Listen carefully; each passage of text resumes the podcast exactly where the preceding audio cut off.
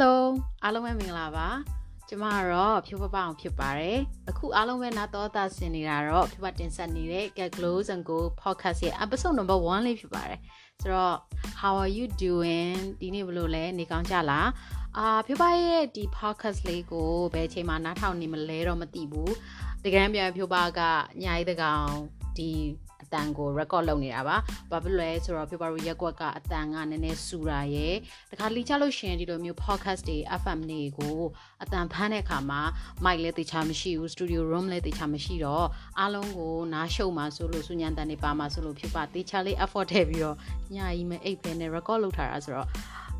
ဘာပဲပြောအတန်ရှင်းရှင်းလင်းလင်းကြားရမယ်ထင်တယ်အာဒီ episode က number 1 episode လေးဖြစ်တော့အမှားယွင်းလေးများရှိသွားခဲ့လို့ရှိရင် Pure follower တွေကို number 1အနေနဲ့တောင်းဆိုချင်ပါတယ်နားလည်ပေးစေချင်ပါတယ်ရှင်အဲ Get Glow and Go podcast ရဲ့ episode number 1မှာဖြစ်ပါ glow up ဖြစ်တဲ့အကြောင်းအရာလေးပြောပြခြင်းတယ်။ဘာဖြစ်လို့လဲဆိုတော့ဖြစ်ပါတော့မြန်မာမိန်းကလေးတော်တော်များများက glow up ဖြစ်တာကိုသိတဲ့သူတွေလည်းသိကြသလို အချို့မသိကြသေးတဲ့မိန်းကလေးတွေတော်တော်ရှိကြတယ်။အာဖြိုးပါကို beauty blogger လုပ်လာတာဖြိုးပါဆို9နှစ်ရှိပြီ။အ9နှစ်တွင်းမှာဖြိုးပါရဲ့ glow up ကတော်တော်လေးသိတတ်တာပြောင်းလဲလာတယ်လို့ထင်တယ်။ ဖြိုးပါလည်းကိုကိုကိုပြန်စမ်းစစ်မယ်ပြန်ပြီးတွေးတောကြည့်မယ်ဆိုလို့ရှိရင်ဒီ social media ပေါ်မှာဖြိုးပပ blog ဆိုပြီးတော့ vlog လုပ်လာတာဒီနှစ်နဲ့ဆို9နှစ်ကျော်ပြီ6နှစ်ဖြစ်နေပြီပေါ့နော်ဆိုတော့ပထမဦးဆုံး vlog စလုပ်တုန်းကဆိုရင်တကယ်အားပေးတူးကောင်မလေးပဲအလားပါကိုစပြီးစိတ်ဝင်စားတယ် skin care တွေကိုစပြီးစိတ်ဝင်စားတယ်ပြီးတော့ဖြိုးပါရဲ့ number 1အားတာချက်ဖြိုးပါ စကားရမ်းများတာဆိုတော့တခါလေကြားလို့ရှင်စကားများတာကငငယ်တော့ဆိုဒီကောင်မလေးစကားအရမ်းများတာပဲဆိုပြီးတော့အရိုက်ခံရတာမျိုးတွေရှိတယ်တခါလေကြားလို့ရှင်ကြောင်းမှာအပြင်ထွက်ပြီးတော့လက်မြောက်ပြီးနေရတဲ့ခါမျိုးတွေရှိတယ်ပြပမတ်မတ်ရရပဲပြပခုနတန်းတုန်းကစကတ်တူလေးဝစ်လာတဲ့နေ့ပဲပြပအတန်းထဲမှာစကားရမ်းများလို့ဆိုပြီးတော့မတက်ရက်ပြီးတော့ဟိုထိုင်ကုန်ပေါ်မှာမတက်ရက်ပြီးနေခဲ့ဘူးတယ် အဲ့တော့ကစာတင်တဲ့ဆရာမကလေဖြိုးပကိုကြည့်မရတာလားပါလားတော့မသိဘူး။ तू ကတော့တော်တော်လေးစိတ်ရှုပ်သွားပုံပဲ။ဘာဖြစ်လို့ဆိုတော့ဖြိုးပမယောင်ရစီလူးတွေအရန်ပြောတတ်တယ်။ဆိုတော့အဲ့တုန်းကတော့ကိုကိုအားနေချက်လို့ထင်ခဲ့ပေမဲ့အခုချိန်မှာ vlogger ဖြစ်လာတော့ကျမစကားအရန်များတဲ့ကိစ္စဖြိုးပရဲ့လုံးဝလုံးဝလုံးဝ strong ဖြစ်တဲ့အချက်ပေါ့နော်။ အဲ့တော့အခုဘာမှတော့မဆိုင်ပါဘူးကိုစကားများတဲ့ဟာကြီးကိုရောက်သွားပြီအဲ့တော့ topic တွေမလွဲသွားခင် glow up ဖြစ်တဲ့အကြောင်းလေးပြပြအောင်မယ်ဆိုတော့ glow up ဖြစ်တယ်ဆိုတာကဖြစ်ပါတော့ beauty လောကမှာ skin care လောကမှာဒါမှမဟုတ်လို့ရှင်လဲတခုခုပေါ့နော်အခြားအလှပြင်တဲ့လောကမှာဘယ်ရှိတာမဟုတ်ရှင်လူတွေရဲ့တနေ့တနေ့မိတ်ကလေးတွေယောက်ျားလေးတွေပေါ့နော်အကုန်လုံးဘလို့လူသားပဲဖြစ်ဖြစ်သူတို့ရဲ့အရင်တည်ရှိခဲ့တဲ့ရက်တည်ခဲ့တဲ့အနေအထားရက်တည်ခဲ့တဲ့ဘဝရက်တည်ခဲ့တဲ့ အဲဒီဘယ်လိုပြောမလဲအသွင်အပြင်ပုံစံအနေအထိုင်အသွားအလာအစားအသောက်ပြုမှုဆက်ဆံပုံအစစအရာရာက ငကွာထက်ပိုပြီးတာလွန်ကောင်းမွန်တဲ့အနေအထားကိုရောက်ရှိသွားတာမျိုးပိုပြီးတော့ confidence ရှိသွားတာမျိုးပိုပြီးတော့ဟိုလူကြားထဲမှာထင်ပေါ်သွားတာမျိုးကဒါ glow up ဖြစ်တယ်လို့ခေါ်ရရှင်ဆိုတော့ဖြိုးပါတို့ beauty blogger ဆိုတော့သိတဲ့အတိုင်းပဲဖြိုးပါလို့ဆိုလို့ရှင်အမမျက်နှာလေး glow ကျင်တယ်ဝက်ချန်အမရွတ်တရားနေ glow ကျင်တယ်ဒါမှမဟုတ်မျက်နှာကြီးမဲနေတာကနေ glow ကျင်တယ်အဲ့ဒါမျိုးကလေဒီကရန်ပြောလို့ရှင်ပစ္စည်းကိုညှွန်လိုက်ပြီဆိုပြီးပြီဇလန်းအမရင်ပြီးသွားပြီဘာဖြစ်လို့ဆိုတော့အဲ့ဒီပစ္စည်းကိုသာတေချာသုံးမယ်ဆိုရင်လှသွားပြီဒါပေမဲ့လူတစ်ယောက်ကသူ့ရဲ့ဒီ personality glow up ဖြစ်ဖို့သူ့ရဲ့ appearance တကယ်တမ်း glow up ဖြစ်ဖို့သူ့ရဲ့ attitude ဒီလက်ခံထားတဲ့သူတို့ရဲ့စိတ်နေသဘောထားတွေကတကယ်မှန်မှန်ကန်ကန်ကောင်းကောင်းမွန်မွန် glow up ဖြစ်ဖို့အရန်ခက်ခဲတယ်လို့ပြောပါထင်တယ် အော်โอเคပြပါရမ်းခက်ခဲတယ်လို့ပြောလိုက်လို့လန့်တော့မသွားနိုင်အောင်ဘာဖြစ်လဲဆိုတော့တကယ်တမ်းကိုယ့်ရဲ့စိတ်ဓာတ်ကိုပြုပြင်ပြောင်းလဲဖို့ဆိုတာမြန်ပါတယ်ဆိုတော့အရင်ဆုံးနံပါတ်1အချက်ပြောရမယ်ဆိုလို့ရှိရင်ပြပါငယ်ငယ်တုန်းကပုံစံလေးကိုဒါပြပါ follower တွေမြင်ဘူးရင်သိလိမ့်မယ်ပြပါကလို့အသားမဲမဲပိန်ပိန်၆၆လေးနဲ့နှာခေါင်းကပွားပွားလေးပေါ့နော်ပြီးတော့အားလည်းပြဲသေးတယ်နှာခမ်းကလည်းထော်သေးတယ်အဲ့လိုမျိုးဆိုတော့ပြပါကိုကြည့်လိုက်လို့ရှိရင်လူတော်တော်များများအဲဒီကောင်မလေးတော်တော်ပိန်တာပဲအဒီကောင်မလေးအသားတော်တော်မဲတာပဲဆိုတဲ့အနေထားနေပြီး ပြီးတော့အခုလိုမျိုးဝဝတုတ်တုတ်ပြည့်ပြည့်လေးပြီးတော့ကိုယ်နှာခေါင်းကိုပြင်လိုက်တာမဟုတ်ဘူးเนาะဒါပေမဲ့ကိုယ့်ရဲ့နှာခေါင်းကို ကိုလက်ခံတယ်ရုပ်ဆိုးတယ်လို့လုံးဝဘယ်တော့မှမတွေးတော့ဘူးဘာဖြစ်လို့အမေပေးထားတဲ့နှာခေါင်းကတည်တည်ချာချာလေးရှူလို့ရနေတဲ့၍ဖြုတ်ပါတော့ကတော့အရန် functional ဖြစ်တဲ့နှာခေါင်းဖြစ်တယ်ပြီးတော့ရှင် highlight တင်လို့ရှင်လဲတေချာလေး glow တဲ့နှာခေါင်းဖြစ်တယ်အဲ့တော့ဖြုတ်ပါတော့ကတော့ဒါလေး attitude changes ပေါ်မှာမူတည်ပြီးတော့ကိုကိုကိုချစ်တဲ့ self love self esteem တွေတိုးသွားတဲ့ခါမှာမလိုအပ်ဘဲနဲ့ငွေကုန်ကြေးကြမရှိဘဲနဲ့ glow up ဖြစ်တဲ့အချက်လို့ပြောပါတော့လက်ခံထားတယ် အဲပြီးတဲ့အခါကျတော့လူတယောက်ကငငယ်တုန်းကအနေထားနဲ့အဲကိုတကယ်တမ်းလူပြိုပေါ်ဝင်တဲ့အပြိုပေါ်ဝင်တဲ့အခါမှာဒီခန္ဓာကိုယ်ရဲ့ဒီ body ပိုင်းဆိုင်ရာပေါ့နော်ခန္ဓာဗေဒကသူကနဲ့သူ auto glow up လုပ်ပေးတယ်အဲ့ဒါကိုဖြိုးပါရဲ့ follow လူငယ်တွေပေါ့နော်ခုခေတ်ဒီဘယ်လိုပြောရမလဲ Gen Z တွေလို့ပဲပြောရမလား2000ခုနှစ် Y2K နောက်ပိုင်းမှာမွေးတဲ့ကလေးတွေတော်တော်များများကသူတို့ရဲ့ body insecurity တွေအများများတာဖြိုးပါတွေ့ရတယ်အာဘာလဲဆိုလို့ရှင်ဟာငါအရက်ပူလိုက်တာအာငါကအသားမဲလိုက်တာငါကမိတ်ကပ်မပြင်တတ်လိုက်တာကွာအာငါနှာခေါင်းကြီးပြားလိုက်တာဟိုတည်ရမလားအင်ဂျလီနာဂျိုလီနှာခေါင်းဖြစ်ရှင် တယ်တော့မဟုတ်နှာခမ်းအရန်ပါလို့ခိုင်လီဂျန်နာလိုမျိုးနှာခမ်းထူခြင်းတယ် okay first of all Kylie Jenner တော့မှပဲနှကန်းပပလေးမို့လို့စေးထိုးထားတာဆိုတော့အဓိကလူတွေက social media ပေါ်မှာတနေ့နဲ့တနေ့အရန်အချိန်ကုန်တဲ့ခါမှာဖြစ်ပါတော့ insecurity ဒီကိုယ့်ရဲ့ level ကအရန်ကိုနှိမ့်ကျသွားတယ်လို့ဖြစ်ပါခံစားရတယ်ဖြစ်ပါအမှန်တိုင်းပြောရလို့ရှင်ဖြစ်ပါရဲ့ငငယ်တွေကစေကျော်တက်အရွယ်ကိုဘွဲရဂါနီးထီတောင်ဖြစ်ပါ influencer မဖြစ်ခင်အထိပေါ့နော်အဲ social media ရဲ့လွှမ်းမိုးမှုကဖြစ်ပါမှာမရှိခဲ့ဘူးအဲ့ဒါကြောင့်မလို့ဖြစ်ပါငငယ်တော့အပေတူးဖြစ်ခဲ့တော့ညလဲအရန်ဒီ social media ကနေကိုယ်ထိခိုက်နေတဲ့ခံစားချက်တွေအဲ့လောက်ထိမရှိဘူးအခုခေတ်လူငယ်တွေကိုပြပတွေ့တဲ့အခါမှာကိုကိုကိုသူများတွေနဲ့တိတ်ပြီးရှင်ပြိုင်ကြတယ်ကိုကိုကိုသူများတွေနဲ့ရှင်ပြီးတော့အားငယ်တတ်ကြတယ်တိတ်ငယ်တတ်ကြတယ်ဆိုတာ ဟိုအမှန်တမ်းပြောရရင်ကိုယ့်ရဲ့ဘဝကြီးကိုကိုတေချာ glow up ဖြစ်ဖို့ကအရင်အောင်နှိမ့်အောင်လုပ်နေတယ်လို့ပဲသူတို့ကလုံးဝဟိုလိုမျိုး break down ကြီးလို့ဖြစ်နေ social media ကြီးက break down ကြီးလို့ဖြစ်နေအဲ့တော့နံပါတ်1ချက်ပြပပြောချင်တာတော့မိမိကိုယ်ကိုယ်ရင်ဆုံး view site ပါအစားအသောက်တေချာစားမယ်ကျန်းမာအောင်နေမယ်ကိုကအခုဒီနားထောင်နေတဲ့သူတွေထဲမှာ12နှစ်13နှစ်14နှစ်15နှစ်တွေပါလို့ ဖြစ်နိုင်လို့ရှိရင်ကျမ်းမာစွာနေထိုင်မှာအိမ်မှာအဖေမေစကားကိုနားထောင်မှာအလွန်ဆုံး internet ပေါ်မှာ game မဲ့ဆိုရင်ဆိုဒါတော့မှပဲ game ဆွဲလို့ရှိရင်အနည်းများသေးတယ်အဲပြီးတဲ့အခါကျတော့လူငယ်တွေက puberty hit ဖြစ်ပြီဆိုလို့ရှိရင် hormone changes တွေစိတ်ထားတွေအနေထိုင်အပြုတ်မှုတွေအဆဆရရတကယ်တမ်းပြောရရင်လေ ပိုလှလာမဲ့အချိန်ကိုရောက်တာဖြစ်ပါတယ်ပြိုးပတကယ်ပြောရင်ပြိုးပေါ်ဝင်ပြီးနောက်ပိုင်းမှာပြိုးပကြည့်ကောင်းသွားတာပြိုးပငငယ်တော့ရုပ်ကတကယ်အပေတူဆိုတော့ပြိုးပတို့မိတ်ကလေးတော်တော်များများကတော့ပြိုးပေါ်ဝင်ပြီးနောက်ပိုင်းမှာအာနှစ်မျိုးဖြစ်တတ်တယ်အချို့ကျတော့တကယ်ပဲဖုံဖုံထွားထွားလေးနဲ့လှလှပပလေးနဲ့တေချာလှပပြီး glow up ဖြစ်တယ်လို့ပြိုးပလိုမျိုးပြိုးပေါ်ဝင်ပြီးနောက်ပိုင်းမှာမျက်နှာမှာအဖုတွေအများကြီးထွက်ပြီးတော့အစီတွေရမ်းပြန်ပြီးတော့ဘိုက်ပူပူလေးဖြစ်သွားတဲ့လူမျိုးလည်းရှိနိုင်ခြင်းရှိတယ်။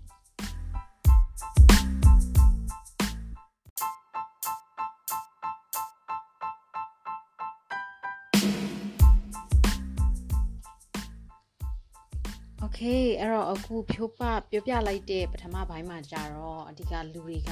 ပုံမှန်အဖြစ်လူငယ်တွေဘယ်လိုခံစားရတာလဲဖြိုးပငယ်ငယ်တော့ဘယ်လိုခံစားရတာလဲပြီးတော့ဖြိုးပတို့တော်တော်များများလူပြိုပေါ်အပြိုပေါ်ဝင်တဲ့အခါမှာ glow up ဖြစ်လာတဲ့သဘောတရားလေးကိုပဲဖြိုးပပြောသွားတာဖြစ်ပါတယ်အခုလောလောဆယ်ဖြိုးပရေတောက်တဲ့ break ယူပြီးတော့အခုပြန်ပြီးဆက်ပြောပါမယ်ဆိုတော့အခုဒီတစ်ခေါက်မှာ glow up ဖြစ်တယ်ဆိုတာလေတကယ်တမ်းပြောရင်လူတစ်ယောက်နဲ့တယောက်မတူအချိန်ကာလပေါ့နော်ဆိုတော့ဘာဖြစ်လို့လဲဆိုတော့ oh sorry ဆိုတော့ရရမ်းများသွားတယ်ပြန်နဲ့ um လူတစ်ယောက်နဲ့တယောက်နဲ့ glow up ဖြစ်တာမတူ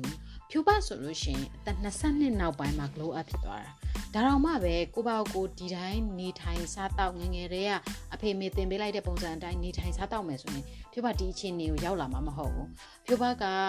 အာဆယ်တန်းအောင်ပြီးကြတဲ့ကဖြူပရန်ကုန်မှာတယောက်တည်းနေတယ်တယောက်တည်းဆိုတာမျိုးအိမ်မှာကတ်နေတာကိုပြောတာပါအာနေတယ်အတိကမိဘဟိုမိခိုပြီးနေတာမဟုတ်တော့ဘူး ဘာဖြစ်လို့လဲဆိုတော့ဖြူပအဖေကဝန်တန်းအဖေကဝန်ထမ်းဖြစ်တဲ့အတွက်ကြောင့်အဖေကနေမှာနေရတာများတယ်ဆိုတော့ဖြူပရဲ့ဘဝကကံကောင်းတာဖြူပအဖေနဲ့မေကချမ်းသာတဲ့လူချမ်းသာတဲ့မှာမပါဘူးတာသမီနိုင်ငံခြားခရီးသွားခြင်းနဲ့တာသမီနိုင်ငံခြားမှာကြောင်းတက်ခြင်းနဲ့အဲ့လိုမျိုးတွေအကုန်လုံးလုပ်ပေးနိုင်တဲ့ထဲတော့မပါဘူးဒါပေမဲ့သူတို့ဘက်ကနေပြီးတော့အတက်နိုင်ဆုံးစွမ်းဆောင်ပေးလိရှိတဲ့မိဘတွေဖြစ်တယ်အာဖြူပအဖေနဲ့မေက သူ့သမီးကိုဖြူပါကိုပေါ့နော်ဖြူပါကိုအဓိကဟိုဖြူပါ10တန်းအောင်လဲဆုပ်ပလုံးနဲ့အောင်တာအဲ့တော့အဓိကမှ40တန်းအောင်လဲကောင်းအောင်မအောင်တာနဲ့တူတူသူ့ဘဝကြီးကိုချင်းနေကောင်းအောင်လို့ငါတို့သူ့ရန်ကုန်မှာကျောင်းတစ်ခုနှစ်ခုပေါင်းမိထားရအောင်ဆိုပြီးဖြူပါတက္ကသိုလ်နှစ်ခုတက်ခဲ့တာပါဆိုတော့ဖြူပါရန်ကုန်မှာနေတယ်ရန်ကုန်မှာနေတဲ့ခါမှာအာပြောရရင်တော့အလကားပါပဲအာပြောချင်တာဘာတွေလုံမန်းကိုမသိတာပထမဆုံးတစ်လနှစ်လမှာတစ်လနှစ်လမဟုတ်ပါဘူးတစ်နှစ်နှစ်နှစ်ကိုပြောတာအဲ့ဒါပြီးတဲ့နောက်ပိုင်းမှာတော့ဖြူပါ တက္ကသိုလ်တက်တဲ့အချိန်မှာလူပေါင်းစုံနဲ့တွေ့တယ်အဲ့ဒီအချိန်မှာဖြိုးဘကလုံးဝကိုလူသတိမထားမိတော့အာပေတူးလေးဖြစ်တော့အသားမဲတော့အာလူဟိုဖြိုးပါကိုဆိုလူတယောက်ကလေငှက်ကလောက်အုံနဲ့တူတယ်ဆိုပြီးတော့ငငယ်ကလေးကပဲဖက်စီရတဲ့ဖြိုးပါကိုလာပြဘူးတဲ့အဲ့လိုအတန်းထဲမှာလို့ဟိုဟာတာဗီဒီယိုတွေကြည်တာတော့အဲ့လိုမျိုးရုပ်ဆိုးဆိုးတရိษံ ဗီဒီယိုကလစ်တွေပါတယ်တက်လာလို့ရှင်ဟဲဖြိုးပပအောင်ကြီးဖြိုးပပအောင်ကြီးဆိုပြီးပြောပြီးရီကြတာပေါ့နော်ဆိုတော့အဲ့ချိန်မှာကိုကိုဘာဖြစ်လဲဆိုတော့ပြပရဲ့စိတ်ထဲမှာအာဝမ်းနေတယ်ရှင်ပြပတော့မိတ်ကလေးတော်တော်များများမဟုတ်ပါဘူးလူသားတွေအကုန်လုံးကဟို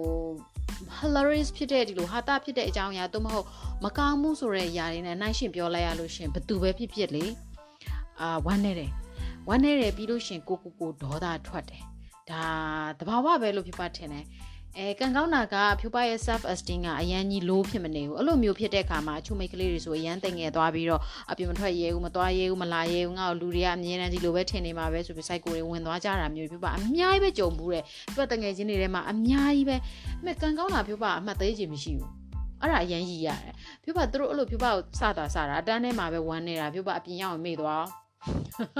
အဲ့ဒါကြောင့်မလို့လည်းဖြစ်နိုင်တယ်ပြပအဲ့လိုမျိုးအမှတ်သေးချင်မရှိလို့လည်းလူတော်တော်များများကိုပြပဟိုရန်သူတွေမဖြစ်သွားတာပေါ့ဆိုတော့ပြပရဲ့တုံ့ပြန်မှုကအမြဲတမ်းအာဟာတာလိုပဲပြန်ပြီးတုံ့ပြန်လေးရှိတယ်ဒါပေမဲ့ကိုကိုကောင်းဖို့အမြဲတမ်းတွေးလေးရှိတယ်အာဖြိုးပငယ်ငယ်ကလေးက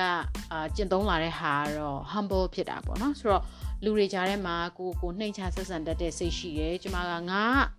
ဆီယာမကြီး ငါငါငါ over confident အဲ့လိုမျိုးပုံစံမျိုးမဟုတ်ဘဲနဲ့အမြဲတမ်းကိုကိုပုံမှန်လူတွေနဲ့ဒန်းတူဆိုပြီးတော့နေတတ်တဲ့စိတ်ရှိတာအကောင်းဆုံးပဲဆိုတော့ humble ဖြစ်တဲ့အတွက်ကြောင့်လည်းပြပအလောက်ထိပေါ့နော်နာကျင်ခံစားရမျိုးတွေမရှိတာဒါပေမဲ့ကိုပါကိုတတ်နိုင်သလားပြပစူးစမ်းကြင်ကြံနေထိုင်နေအာလူတွေက ဘာဖြစ်လို့ငါ့ကိုဒီတရိတ်ဆိုင်ကြီးနဲ့နှိုင်းတာလဲဥပမာမြောက်ဖေနီမလေးကနှကန်းထော်နေတာဖြိုးပနဲ့နှိုင်းနေဆိုရင်တေချာတယ်ဖြိုးပနှကန်းထော်နေလို့ပဲဖြိုးပနှကန်းထော်တာမွေးကလေးကထော်တာဖြိုးပလည်းတားမရအောင်စီးမရအောင်ဒါပေမဲ့အဲ့လိုမျိုးထော်နေတာလေးကိုဘယ်လိုမျိုးပြုပြင်လိုက်လို့ရှင်ဘယ်လိုအနေထိုင်လေးပြင်လိုက်လို့ရှင်ငါလှသွားမလဲဆိုတော့အဲ့ဒီချိန်မှာတရက်ကြဘလို့တိသွားလဲဆိုတော့ဖြူပါလို့ပုံမှန်အဖြစ်လမ်းလျှောက်လို့ရှင်အဲ့လို ကိုကိုကိုရှက်တတ်တယ် confident နေအလောက်မရှိတော့ဆိုခေါင်းငုံပြီးလျှောက်လို့ရှိတယ်အဓိကလူတွေကိုမျက်နှာချင်းဆိုင်ဖို့အဲ့လို eye contact လုပ်ဖို့ဖြူပါရှက်တာအာအဲ့လိုမျိုးငုံလို့ကိုကို confident မရှိတာကြောင့်ဖြူပါနှကန်းကငုံနေလို့ရှင်နှကန်းထူတဲ့သူတွေကနှကန်းပိုတွဲပြီးတော့နှကန်းကြီးထူတာပိုတိတာတဲ့ဆိုတော့ကိုကိုကိုအိမ်မှာနှကန်းထူတယ်လို့ခံစားရလို့ရှင်မှန်ကြည့်ပြီးငုံကြည့်ပါပိုထူတာကိုခံစားရလိမ့်မယ်အဲ့တော့ဖြူပါတိသွားတာငါလူကြားထဲမှာရှက်လုံးလုံးငုံပြီးလမ်းလျှောက်နေတဲ့အချိန်မှာအဲ့ကြောင့်မလို့လူတွေကငါရဲ့နှကန်းထူထူကြီးကိုပို့ပြီးမြင်ရတာငါဟာခေါင်းမော့ရင်ကော့ပြီးတော့ဒီတိုင်းပဲအတန်းထဲကိုလမ်းလျှောက်ပြီးတော့ဝင်သွားတယ်ဆိုလို့ရှင်ငါရဲ့မျက်နှာရဲ့တကယ် appearance ငါရဲ့ features ကိုသူတို့တက်တက်မမမြင်ရတယ်ဆိုတာပြပါတိသွားတဲ့နောက်ပိုင်းမှာပြပါလူကြားထဲမှာရှက်စရာအကြောင်းမရှိဘူးကိုယ့်ရဲ့ features က AC ပဲ okay တယ်အာပြီးတဲ့အခါကျတော့ဖြူပါကပိန်တယ်ဒါပေမဲ့လည်းဘာဖြစ်လဲအဖြူပါကိုပိန်လို့တစ်ခေါက်ဆိုရင်နင် TV ဖြစ်နေရလားဆိုလာမေးတာခံဘူးတယ်ဖြူပါစကန်ရက်လောက်မှာပဲအဲ့နဲ့အဲ့တော့တော်တော်ဝမ်းနေသွားတယ်တိလားဒါပေမဲ့ဘာလဲဆိုလို့ရှိရင်တော့လူတွေရဲ့ခန္ဓာကိုယ်ပိန်တယ်ပါတယ်ဝတယ် ဟိုဘယ်လိုခေါ်မလဲအစီထွက်တယ်ဘိုက်ပူတယ်အခါကြီးတယ်တင်မားကြီးတယ်ပေါင်တုတ်တယ်ခြေသလုံးတုတ်တယ်ခြေသေးကြီးတယ်အော်ဖြစ်ချင်တာဖြစ်ပြောချင်တာဒါတွေအကုန်လုံးကဖះကပေးလိုက်တယ်လို့သူ့ရဲ့ခန္ဓာကိုယ်ပေါ်မှာတည်ရှိနေတဲ့အရာတွေဖြစ်တဲ့အတွက်ကြောင့်အဲ့ဒါတွေကလက်ခံရမှာပဲဆိုတော့အဲ့ဒါကြောင့်မလို့ဖြိုးပါအဲ့လိုမျိုးလာပြောတဲ့အခါမှာဖြိုးပါပြောလိုက်တယ် no ငါအိမ်မနေတိုင်းထမင်းစားပြီးငါနေတော့မစားနိုင်တာတော့ငါစားသေးတယ်လို့ပြောပါရွေ့လိုက်တယ်ပြီးတဲ့အခါကျတော့အမှန်တမ်းပြောရင်ငါကြမ်းမာတယ်ငါပိန်နေဆိုတာငါဘငါပိန်တာအင်ကြီးကိုကလေးဆိုင်ဝတ်လို့ရအောင်ပိန်တာငါအင်ကြီးမရွေးဘူးကိစ္စမရှိဘူးမေကွမ်းရှိငါဘငါပိန်တာဘာဖြစ်လဲဆိုပြောပါအဲ့တော့အဲ့တငယ်ချင်းကိုရန်တွေ့လိုက်မိတယ်ဒါပေမဲ့အဲ့တော့ကသူကဖြူပါကို TV ဖြစ်နေရလားလို့လာမေးလိုက်တာလေကျေးဇူးအများကြီးတင်တယ်ကိုကိုကိုလူတွေကငါ့ကိုကြည်နေပြီလို့ရှင်ဘလို့တွေတွေးနေလဲဆိုတော့ဖြူပါတိသွားတယ်ပေါ့အဲ့တော့နောက်ပိုင်းကျတော့ဖြူပါဘလို့ glow up လုပ်ရမလဲကိုယ့်ရဲ့ပိန်တဲ့အခါမှာဘလို့မျိုးအာပိန်တဲ့သူကအနေနဲ့ဖောင်းဖောင်းကိကိလေးဖြစ်အောင်လို့ဒါမှမဟုတ်လဲကိုပိန်တော့ရန်ကြီးလူမသိအောင်ဘလို့ဝေးရမလဲဆိုတာတွေဖြူပါနားလည်လာတယ်အာတက်ကြွလာတယ်ပေါ့ဆိုတော့တခါလေးကြာလို့ရှိရင်ကိုကိုထိခိုက်လိုက်တဲ့အရာတွေမရှိရင် ဟိုရှေ့ဆက်တိုးတဲ့ဟာလည်းမရှိသလိုဖြစ်တတ်တယ်အဓိကဘာလဲဆိုထိကယုံနေလို့ပဲဘာလို့ဆိုလူတွေကဒီတိုင်းကိုပေါ့ကိုဒီတိုင်းပဲအာ comfort zone ထဲမှာနေတယ်ဆိုရင်ဘယ်တော့မှ glow up ဘဝကိုရောက်လာမှာမဟုတ်ပေါ့အဲ့တော့ကိုယ့်ရဲ့ comfort zone တွေကမဟုတ်ဘဲနဲ့ကိုယ့်ကိုလူတွေကလာပြီးတော့ကကြီးကကြီးလုပ်တဲ့အချိန်မှာကိုကတံပြန်ပြီးတော့ positive နည်းနဲ့ပြန်ပြီးတော့တုံ့ပြန်နေဆိုလို့ရှိရင်မကြခင်ချိန်တွေ glow up ကပိုင်ဆိုင်ရမှာဖြစ်ပါတယ် ဖြူပတကယ်တော့လက်ခံထားတဲ့ glow up type ကနှစ်မျိုးရှိတယ်ရှင်။ပြောတော့ဒီ internet ပေါ်မှာလိုက်ရှာသည်ဖြစ်ပလိစေသို့မဟုတ်အခြား motivational speaker တွေချို့တက်ကြမ်းရေးတဲ့သူတွေသို့မဟုတ်လဲလူတစ်ယောက်နဲ့တစ်ယောက်ရဲ့ belief တွေအာသူတို့ရဲ့ဒီပြုမှုနေတဲ့လက်ခံထားပြီးပြုမှုနေတဲ့ရှင်သန်ခြင်းလမ်းကြောင်းအမှန်တရားတွေလဲအဲ့လိုမျိုးဟာတွေကတယောက်တောင်မတူဒါပေမဲ့ဖြိုးပလက်ခံထားတာကတော့နှစ်မျိုးရှိတယ်ဆိုတော့ဖြိုးပရဲ့ appearance glow up ရဲ့ personality glow up ရယ်ဆိုတော့ဖြိုးပါရဲ့ Facebook page ဖြစ်တဲ့ဖြိုးပါပါ blog မှာကအမြဲတမ်းလို့လို့ appearance glow up တွေကိုပြောနေတော့ကျွန်မဒီထဲမှာတော့အဲ့အကြောင်းထပ်မပြောတော့ဘူးဘာလို့ဆိုတော့တော်တော်လေးကိုအမြင်ကတ်နေလောက်ပြီးအာအဓိကတော့အပြင်မှာကိုယ့်ရဲ့ပြင်ပန်းတရံကြည်ကောင်းတဲ့အခါမှာလူကြားထဲမှာထင်ပေါ်နေအောင်ပြီးတဲ့ခါကျတော့ကိုယ်နဲ့အလိုက်ဖတ်ဆုံးအရာလေးတွေပြင်ဆင်ချေတတ်တတ်အောင်အာပြီးလို့ရှိရင်ဘယ်လိုလဲအာလူကြားထဲမှာဘယ်လိုပြုမှုဆက်ဆံတင်လဲအေးဟိုပေါ့လူရဲ့ဒီ ဟို gesture တွေ posture တွေဘယ်လိုနေရမလဲစကားပြောရင်ဘယ်လိုပြောရမလဲအဲ့ဒါမျိုးတွေကအရင်ယိုးနေပြီအဲ့တော့တိုးရောင်ဆောင်နဲ့ညီခွေးအဲ့ညီခွေးဆိုလို့ရှိရင်သူ့ရဲ့ personality ကတကယ် glow up မဟုတ်သူ့ရဲ့ personality ကအကျင့်ပုတ် personality ဒါပေမဲ့အပြင်ကနေကြည့်လို့ရှိရင်တိုးပုံစံလေးဖြစ်တဲ့အတွက်ကြောင့် so pure သူက pure ဖြစ်တယ်အဲ့တော့ မသိလို့ရှင်ဒါပြပါတော့အပြင်လောကမှာဆိုလဲအဲ့လိုပဲသူတို့ရဲ့ဒီ appearance ကဒါ glow up ဖြစ်နေတဲ့သူတွေဆိုလို့ရှင်ကြည့်လိုက်လို့ရှင်တော့အော်ဟုတ်တယ်ထင်ပေါ်ကြော်စောပြီးလှပနေတယ်ဒါတကယ်တမ်းပြောလို့ရှင်သူတို့ကအပြင်က personality ကဘယ်လိုလဲတော့မသိပေမဲ့ sorry ပါဖြုတ်ပါရဲ့ခန်းထဲကအိမ်မြောင်စုတ်ထိုးပါပြီဆိုတော့ good luck အာငွေတွေရှာပေးပါ okay အဲ့တော့ဖြိုးပါတော့ဒီအမှန်တိုင်းပြောရလို့ရှင်ဖြိုးပါ personality glow up ဖြစ်ဖို့ အချိန်ကအာလူတွေပေါ့နော်ဒါဖြိုးပါအတွက်ဆိုလို့ရှင်ဖြိုးပါပြောသလိုပဲဖြိုးပါကိုချရာပေါ့ကိုရက်တီတဲ့အချိန်ကနေစပြီးတော့ဖြိုးပါတီအာလူတွေနဲ့ဆက်ဆံလာရတဲ့အခါမျိုးတွေကိုကိုလက်ခံလာရတဲ့အခါမျိုးတွေဟိုတခါလေကြာလို့ရှင်လေလူတယောက်ကဟိုအနားနာမှာမိခိုစရာတွေရှိလို့ရှင်ကိုယ့်ရဲ့ strength ကိုမသိဘူးအာကိုဘေးနားမှာတရားရောက်ကိုကိုအားကိုးပေါ်ရှိလို့ရှင်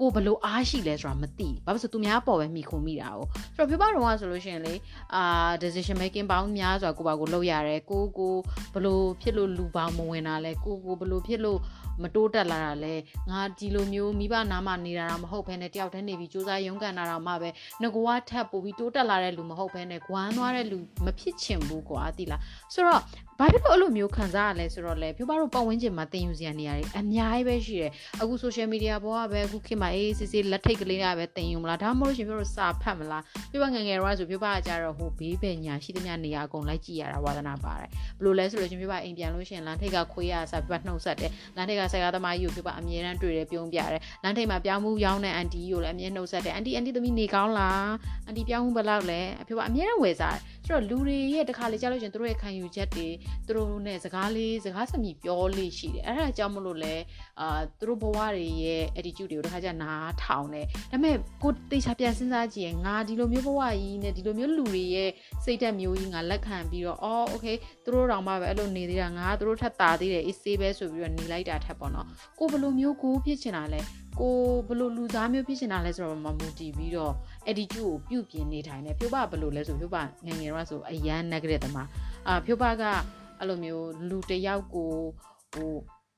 ဘလို့ခေါ်မလဲမနာလို့ပဲထားလိုက်ပါတော့ဖြိုးပကမလေးတယောက်ကိုတွေ့တယ်သူတိတ်လှတယ်ဖြိုးပသူ့မနာလို့ဒါပေမဲ့ဖြိုးပဘလို့တွေးလဲဆိုဟာငါသူ့လိုလာချင်လိုက်တာငါအရန်ရုပ်ဆိုးတာပဲဆိုပြီးတော့လိုက်ပြင်တယ်โอเคအဲ့ဒီဥစ္စာမှားတယ်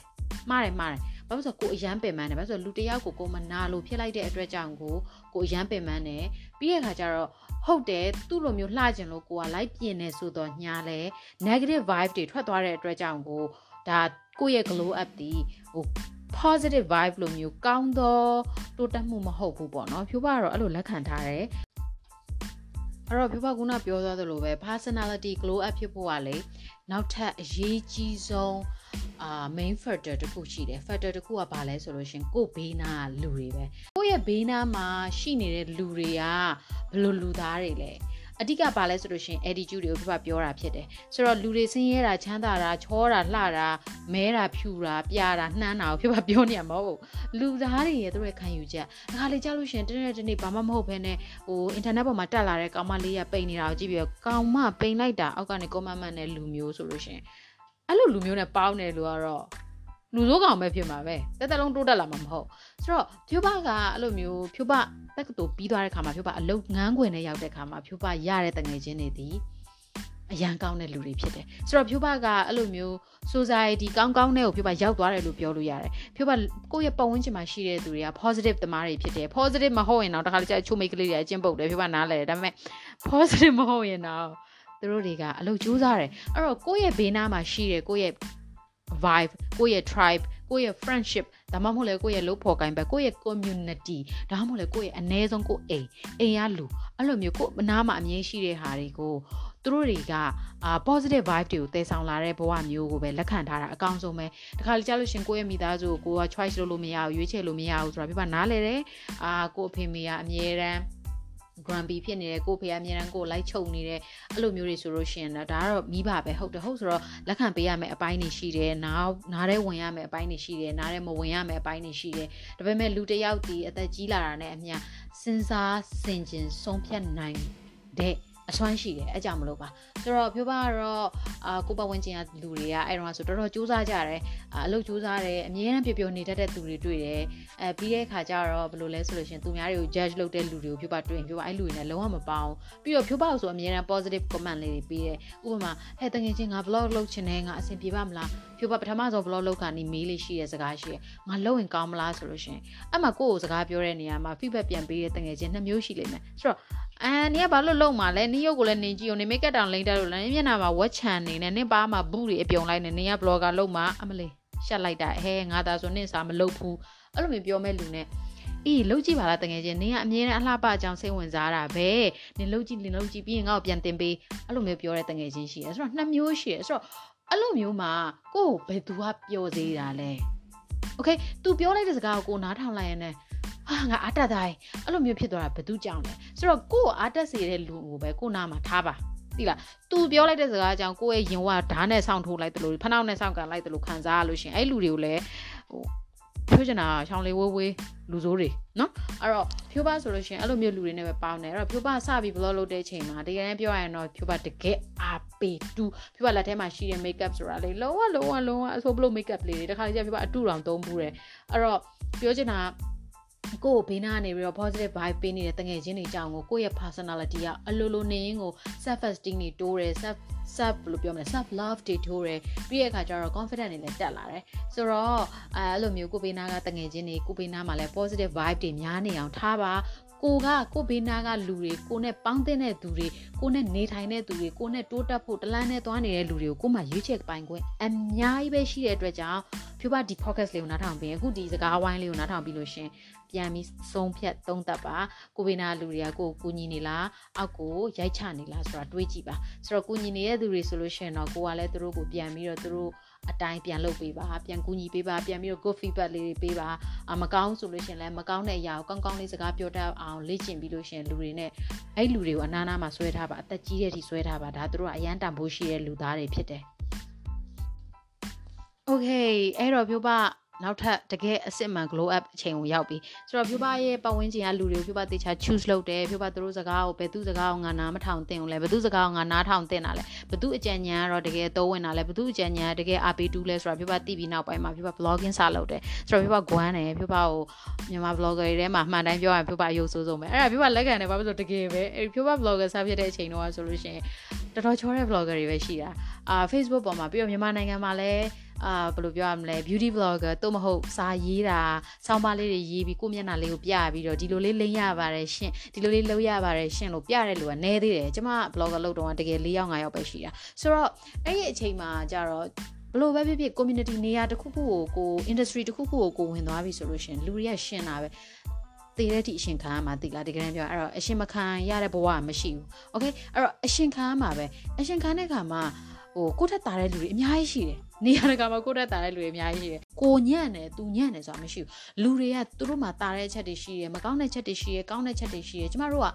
အာဘယ်လိုပြောရမလဲလူတယောက်ကိုကြည့်လိုက်တာနဲ့ဟို game နဲ့ကလိုမျိုးဟာဒီတယောက်ကဟိုဟာအားနေနေတယ်ဒီဟာအားတာနေတယ်အဲ့လိုမျိုးတမ်းမြင်ရတာမဟုတ်ဘူးအဲ့တော့ဒါမျိုးတွေကလည်းပေါင်းသစ်ဆက်ဆံပြီးတော့ကိုဘာကိုလေ့ကျင့်ပြီးတော့မှရလာတဲ့ဟာတွေသိရတဲ့ဟာတွေဖြစ်တယ်ဆိုတော့ပြောပါအမှန်တိုင်းပြောရင်အဲ့တော့ကလည်း beauty blogger စာကလုပ်ကစားတော်တော်လေးအစဲခံရတယ်တော်တော်လေးပြောခံရတယ်အာဒါပေမဲ့ဖြူပါကဘာလဲဆိုတော့ဖြူပါရဲ့ငငယ်ကလေးကမိဘလေ့ကျင့်ပေးလိုက်တာလားမွေးကလေးကပါလာတဲ့ဗီဇလို့ပဲပြောရမလားတော့မသိဖြူပါနည်းနည်းတော့ခေါင်းပါတယ်ဖြူပါကောင်းပါတယ်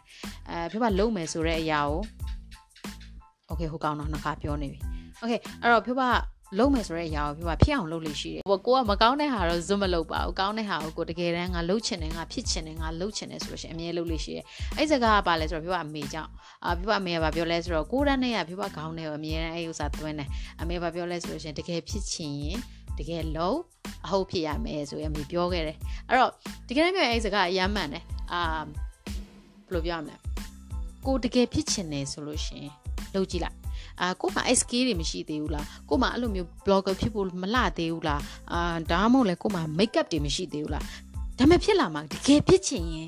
တကယ်စူးစမ်းကြည့်ရတယ်သိလား အေးစေးပဲအခုဒါပေမဲ့ကျမပြောပါတော့9နှစ်လောက်လွတ်လိုက်ရတယ်ဒါပေမဲ့ဒီအချိန်မှာပြောပါဖြစ်ရှင်တဲ့ဘဝလေးပြောပါရောက်နေပြီလို့ထင်တယ်ပြောပါငကွာထက်လှလာတယ်ကွာဒါလူတော်တော်များများလည်းပြောတယ်ပြောပါဘလို့ဖြစ်လို့တဖြည်းဖြည်းနဲ့တဖြည်းဖြည်းနဲ့တဖြည်းဖြည်းနဲ့လှလာတယ်ဆိုအမှန်တိုင်းပြောရင်တော့လေထူးခြားခြားပြောပါလှုပ်တယ်ဆိုတာမရှိဘူး တကယ်ဖြူပါထူးထူးခြားလုပ်တယ်ဆိုတာမရှိဘူးဒါပေမဲ့ဖြူပါထူးထူးခြားခြားအာမဟုတ်ဘဲနဲ့အမြဲတမ်းကြင်ကြံတဲ့အချက်၅ချက်ရှိတယ်ဆိုတော့အခုတကယ်ကို glow up ဖြစ်ဖို့အတွက်အချက်၅ချက်ကိုပြောပြမှာဖြစ်ပါတယ်ဆိုတော့ intro တွေအရန်ရှည်သွားလို့ရှင် B ရနဲ့ဆိုတော့အခုဖြူပါ self esteem တွေတိုးတက်လာအောင်ပြီးတဲ့ခါကျကိုကိုကိုချစ်တက်လာအောင်ငကိုကကိုတီရှိနေတဲ့ဒီကိုရဲ့ ဘဝလေးကနေပြီးတော့ပို့ပြီးတော့တာလွန်ကောင်းမွန်တဲ့ confidence ရှိတဲ့ကိုဘဝကိုကိုလမ်းကြောင်းကိုဖောက်နေတဲ့မိမငယ်ဖြစ်အောင်ဘယ်လိုမျိုးအတိကအာလှုပ်ဆောင်ခဲ့လဲဆိုတဲ့အချက်၅ချက်ပေါ့နော်ဆိုတော့နံပါတ်1ချက်ကိုကိုကိုချစ်တာပြောပါကိုကိုရမ်းချစ်တယ်ဆိုတော့အိမ်မှာဆိုလို့ရှိရင်လည်းပြောပါမမေကဘာပြောလဲဆိုလို့ရှိရင်အယာနဲ့လောက်ဟိုခေါင်းမာတဲ့သမီးမရှိဘူးနင်ရန်တကိုကောင်းဆန်နေ မောင်နှမတွေကိုဂယူးမဆိုင်ဘူးနင်းကိုနင်မဲ့ချစ်တယ်ဘာညာငငယ်တော့ဟိုမကောင်းတဲ့ချက်တွေတော့ရှိပေမဲ့ကိုကိုချစ်တာတိတ်ကောင်းတယ်ဆိုတော့အဓိကဘာလဲဆိုလို့ရှင်သူများနဲ့ရှင်ရင်ကိုကိုကိုဂယူးဆိုင်တာကိုကိုချစ်တာအာဟိုပေါ့ဟိုသူများအတွက်ဆိုပြီးအရန်အနစ်နာခံပြီးလှုပ်တဲ့လှုပ်တယ်ဆိုတာကလေကိုမိဘအတွက်အာကိုညမအတွက်ကိုသွေးသားအတွက်ဒါမှမဟုတ်ကို career ကိုရဲ့လမ်းကြောင်းအတွက်ကလွဲလို့ကျန်တဲ့မလိုအပ်တဲ့ဟာတွေကို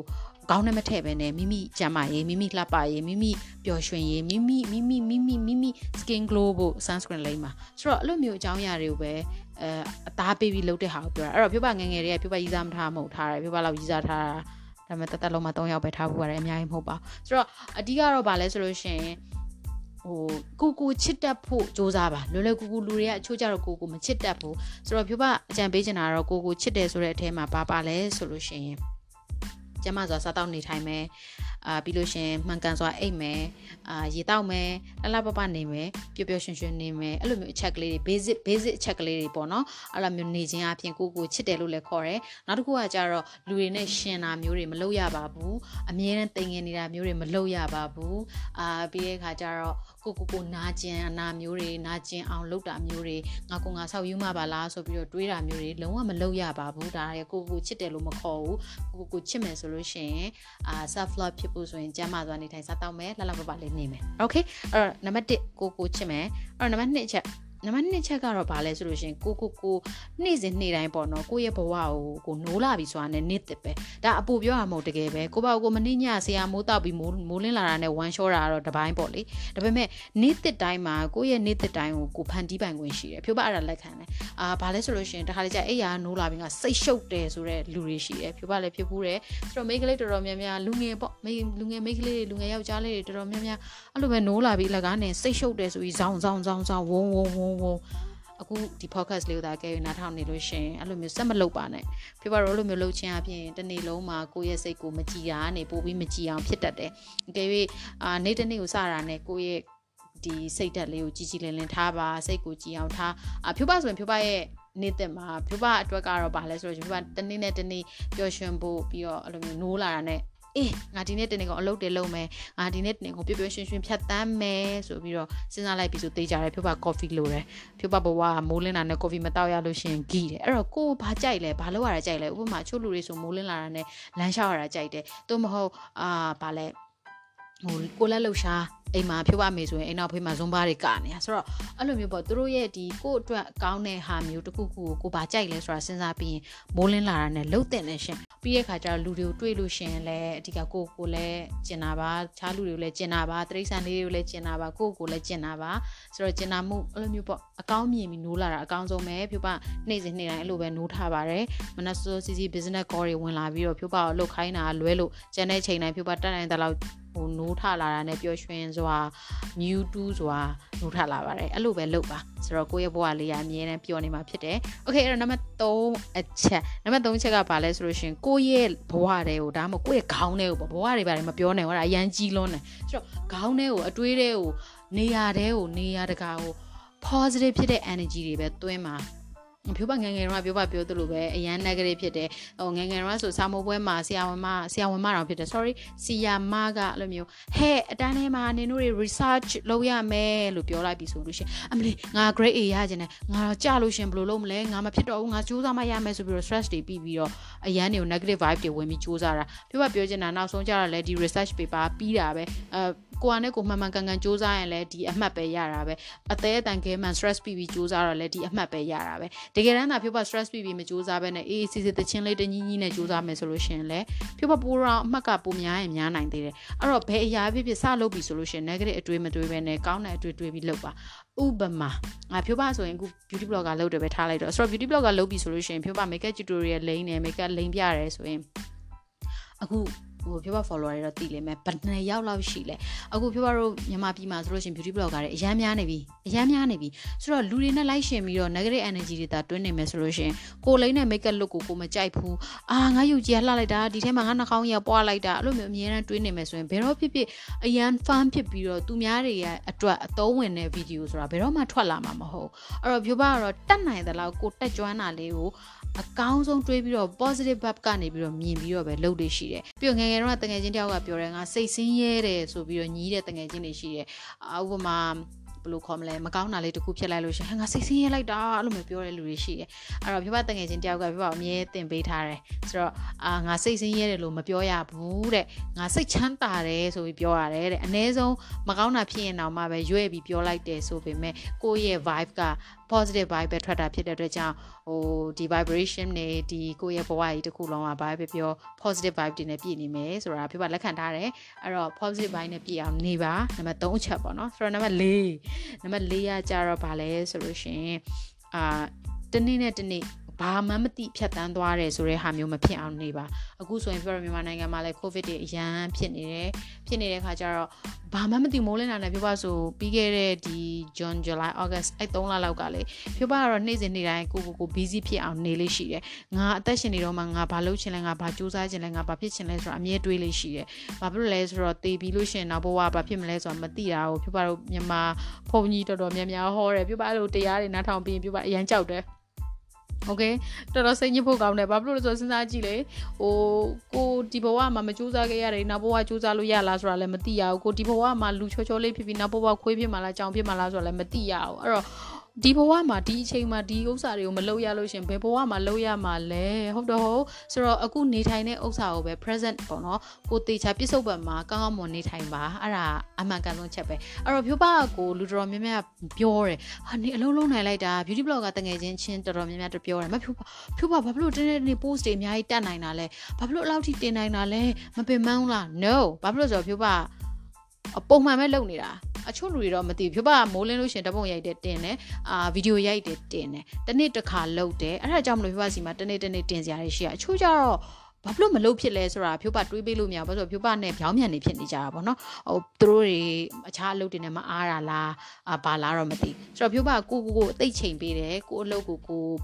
တေချာတွေးပြီးလုပ်တယ်အာတကယ်တမ်းကိုတနေ့တနေ့ဘာတွေကြော်ဖြတ်သွားလဲဆိုတာမသိဘူးဆိုတဲ့အခါမျိုးကပါလဲဆိုရင်အဲ့တစ်ချိန်လုံး game ဆော့နေတာတစ်ချိန်လုံးဖုန်းပွတ်နေတာတစ်ချိန်လုံး Instagram ကြည့်နေတာတစ်ချိန်လုံး TikTok ကြည့်နေတာဒါမှမဟုတ်လို့ရှိရင်ကိုရီးယားမင်းသားကကြည့်ပြီးတော့ပျော်ရွှင်မြူးတူဆောင်ကြိုက်နေတာအဲ့ဒါမျိုးတွေကဘာဖြစ်လို့ဖြစ်သွားမှမသိဘူးဒါပေမဲ့အဲ့လိုမျိုးဟာတွေက limit နဲ့ပေါ့နော်ဟိုကိုကိုကိုဘေးနားမှာရှိတဲ့ entertainment တွေဖြစ်တယ်ဒီဥစ္စာတွေကတော့တပိုင်းပေါ့ဟိုအရန်အချိန်ဖြုံးတဲ့အပိုင်းတိဖြစ်မသွားအောင်ဒါပဲကိုပါကိုတေချာ handle လုပ်ဖို့လိုတယ်။ Okay နံပါတ်၄ပြီးလို့ရှိရင်နံပါတ်5 ဘာလဲဆိုလို့ရှင်တော့ကိုကိုကိုပဲရှင်ပြိုင်တာဆိုတော့ဒီအချက်ကအရေးကြီးဆုံးချက်ပဲငါဒီသာငါပြိုင်ဖက်ပါညာဟုတ်တယ်အမှန်တမ်းပြောလဲဟုတ်တယ်ဒါပေမဲ့လူတယောက်နဲ့တယောက်နဲ့ရှောက်ပြီးတော့ပြောမိတယ်အဓိကလူတွေနဲ့သွားမပြိုင်နဲ့ jealous type မလုပ်နဲ့ကိုကိုကိုချစ်ရင်ကိုကိုကိုပြိုင်တယ်ကိုကိုကိုကောင်းအောင်လုပ်တယ်ဖြိုးပါအမြဲတမ်းကိုကိုပြိုင်တယ်ဖြိုးပါရဲ့ first blog တီဖြိုးပါဖုန်းလေးနဲ့အဲဖုန်းနဲ့တော့မဟုတ်ဖြိုးပါ first blog ကဖြိုးပါကွန်ပျူတာနဲ့ရိုက်ထားတာဖြိုးပါ vlogger ဖြစ်ရှင်နေဆိုတာဘယ်အချိန်မှစသိလဲဆိုတော့အဲ blog ကိုစရိုက်ပြီးဖြိုးပါ YouTube ပေါ်တင်တဲ့အချိန်မှာဘယ်သူမှမကြည့်ဘူးဒါပေမဲ့ထူးဆန်းစွာနဲ့အိမ်ကအမေကိုဖြိုးပါပြောမိတယ်မမီးသမီးဗီဒီယိုရိုက်ထားတယ်ဆိုတော့အမေကဘယ်လိုရှာလုပ်လဲမသိဘူးတွေ့သွားတယ်တွေ့သွားပြီးတော့အမေကအဲ့ဗီဒီယိုကြည့်တော့သူကဘာပြောလဲဆိုတော့ဟာငါသမီးဗီဒီယိုငါရမ်းကြိုက်တယ်ဘာလို့လဲဆိုတော့ဝါတားနေရပဲဒါပေမဲ့ဘာလဲဆိုလို့ရှင် तू တဲ့ तू ဖြိုးပါနဲ့သူနဲ့အနာနာမှာအတူတူရှိတယ်လို့ခံစားရတယ်။ဘာဖြစ်လို့ဖြိုးပါရန်ကုန်မှာ तू ကနေမှာ哦။ဆိုတော့အဲ့ချိန်မှာဖြိုးပါဟာငါဗီဒီယိုလုပ်တာကဘာပြောအခြားလူမကြည့်လဲနေဖြိုးပါအမေနဲ့အဖေကြည့်ရဖြိုးပါအမေနဲ့အဖေကြည့်ပြမလဲငါသမီးလေးနဲ့နီးတယ်လို့ခံစားရတယ်ငါသမီးအင်္ဂလိပ်လိုတွေရှောက်ပြောနေတယ်တော့ဆိုပြီးခြားလူကိုလိုက်ကြွားတယ်သူတို့ကသူတို့ပြင်းဖြိုးပါကိုကြည့်တယ်ပြီးတော့ဖြိုးပါ အဲ့လိုမျိုးအမှတ်တရလေးတွေကိုတည်ဆောင်ထားနိုင်တဲ့အတွက်ကြောင့်ဖြိုးပါ vlogger ဖြစ်သွားဖြိုးပါ vlog လုပ်ရတာအကြောင်းအရန်ကြိုက်တာစကားပြောတာလည်းအရန်ကြိုက်တယ်ဆိုတော့ဘယ်ရာဖြစ်ဖြစ်ကိုဘာကို reflect လုပ်ဖို့ကိုဘာကိုပို့ပြီးတိုးတက်လာတဲ့လူဖြစ်ဖို့ကိုဘာကိုပြန်စမ်းစစ်ဖို့အာကိုဘာကိုရှင်ပြိုင်ဖို့ဆိုတာ record ရှိနေကောင်းတယ်အဲ့တော့စာရေးတတ်တဲ့လူဆိုလို့ရှင်စာရေးပါစာအုပ်လေးနဲ့စာရေးပါအာပြီးလို့ရှင်နောက်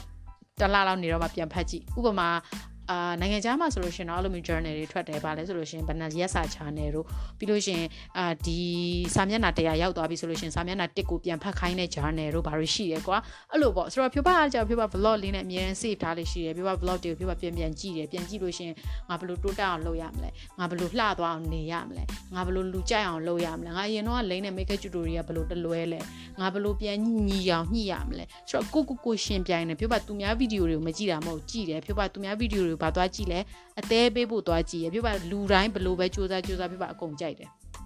ပြပါအကုန်လုံးအသေးပေးလေးရှိတယ်ဆိုတော့အဓိကသူများတွေကိုကြည့်ရင်တော့ဟဲဒီ blogger က MAC cosmetic ပဲသုံးတာငါကြတော့ Nix ပဲသုံးနိုင်တယ်အာငါသူ့လိုမျိုးဖြစ်ချင်လိုက်တာငါဘယ်ကနေ sponsor တောင်းရမလဲ thank you ပါ good luck အာโอเคဟိုကောင်တော့၃កောက်၃កောက် on နေပြီဆိုတော့အဲ့လိုမျိုးပေါ့နော်ဆိုတော့ကိုကိုရှင်ပြိုင်ခြင်းအဖြစ်အတအောင်လုပ်ပါ အာဒီကတော့ကိုကိုပြိုင်တာမပင်ပန်းဘူးကိုကိုပြိုင်တာအထီရောက်ဆုံးပဲဖြစ်တယ်ကိုဘဝကိုလန်ချောင်းရှောက်မယ်ဆိုလို့ရှင် glow up တကယ်ဖြစ်ချင်လို့ရှင်မိမိကိုကိုရှင်ပြိုင်ပါအဲ့တော့ဖြိုးပါဒီ podcast တွေကိုအရင်ကြီးကြာသွားမှာဆိုလို့နောက်ဆုံးပြီးလိုက်ပါတော့မယ်အဲ့တော့ဖြိုးပါရဲ့ဒီ first episode လေးကိုမိနစ်30စာလောက်ကိုအာအစအနေဆုံးဖြိုးပါလေပေါ်တာကိုနားထောင်ပေးရဆိုရင်တော့ဖြိုးပါအမှန်တိုင်းပြောရရင်အရင်ချစ်သွားပြီဘာဖြစ်လို့ဆိုတော့ဖြိုးပါအရင် excited ဖြစ်တဲ့ episode လေးလည်းဖြစ်တယ်အာဖြိုးပါဘဝလေးကို reflect ဖြစ်တဲ့အကြောင်းအရာလေးလည်းဖြစ်တော့အခြားမိတ်ကလေးတွေအခြားယောက်ျားလေးတွေလူငယ်တွေပေါ့နော်လူကြီးတွေအတွက်တော့ဖြိုးပါကိုယ်တိုင်လည်းလူကြီးမဖြစ်သေးတော့အချို့အကြောင်းအရာတွေဖြိုးပါမသိဘူးနားမလည်ဘူးပေါ့ဆိုတော့အဲ့တော့အားလုံးအတွက်အသုံးဝင်မယ်လို့ထင်တယ်ပြန်ပြီးတော့ဒီ episode လေးကို recap ပြန်လုပ်ရမယ်ဆိုလို့ရှိရင်တော့ဖြိုးပါတို့လူငယ်တွေအာဒါမှမဟုတ်လေကိုဘလို့လူပဲဖြစ်ဖြစ်ကိုဘလို့နေထားပဲဖြစ်ဖြစ်ကိုဘလို့ဘဝပဲဖြစ်ဖြစ်ကိုရဲ့လက်ရှိအခြေအနေကိုလက်ခံတတ်ပါစေ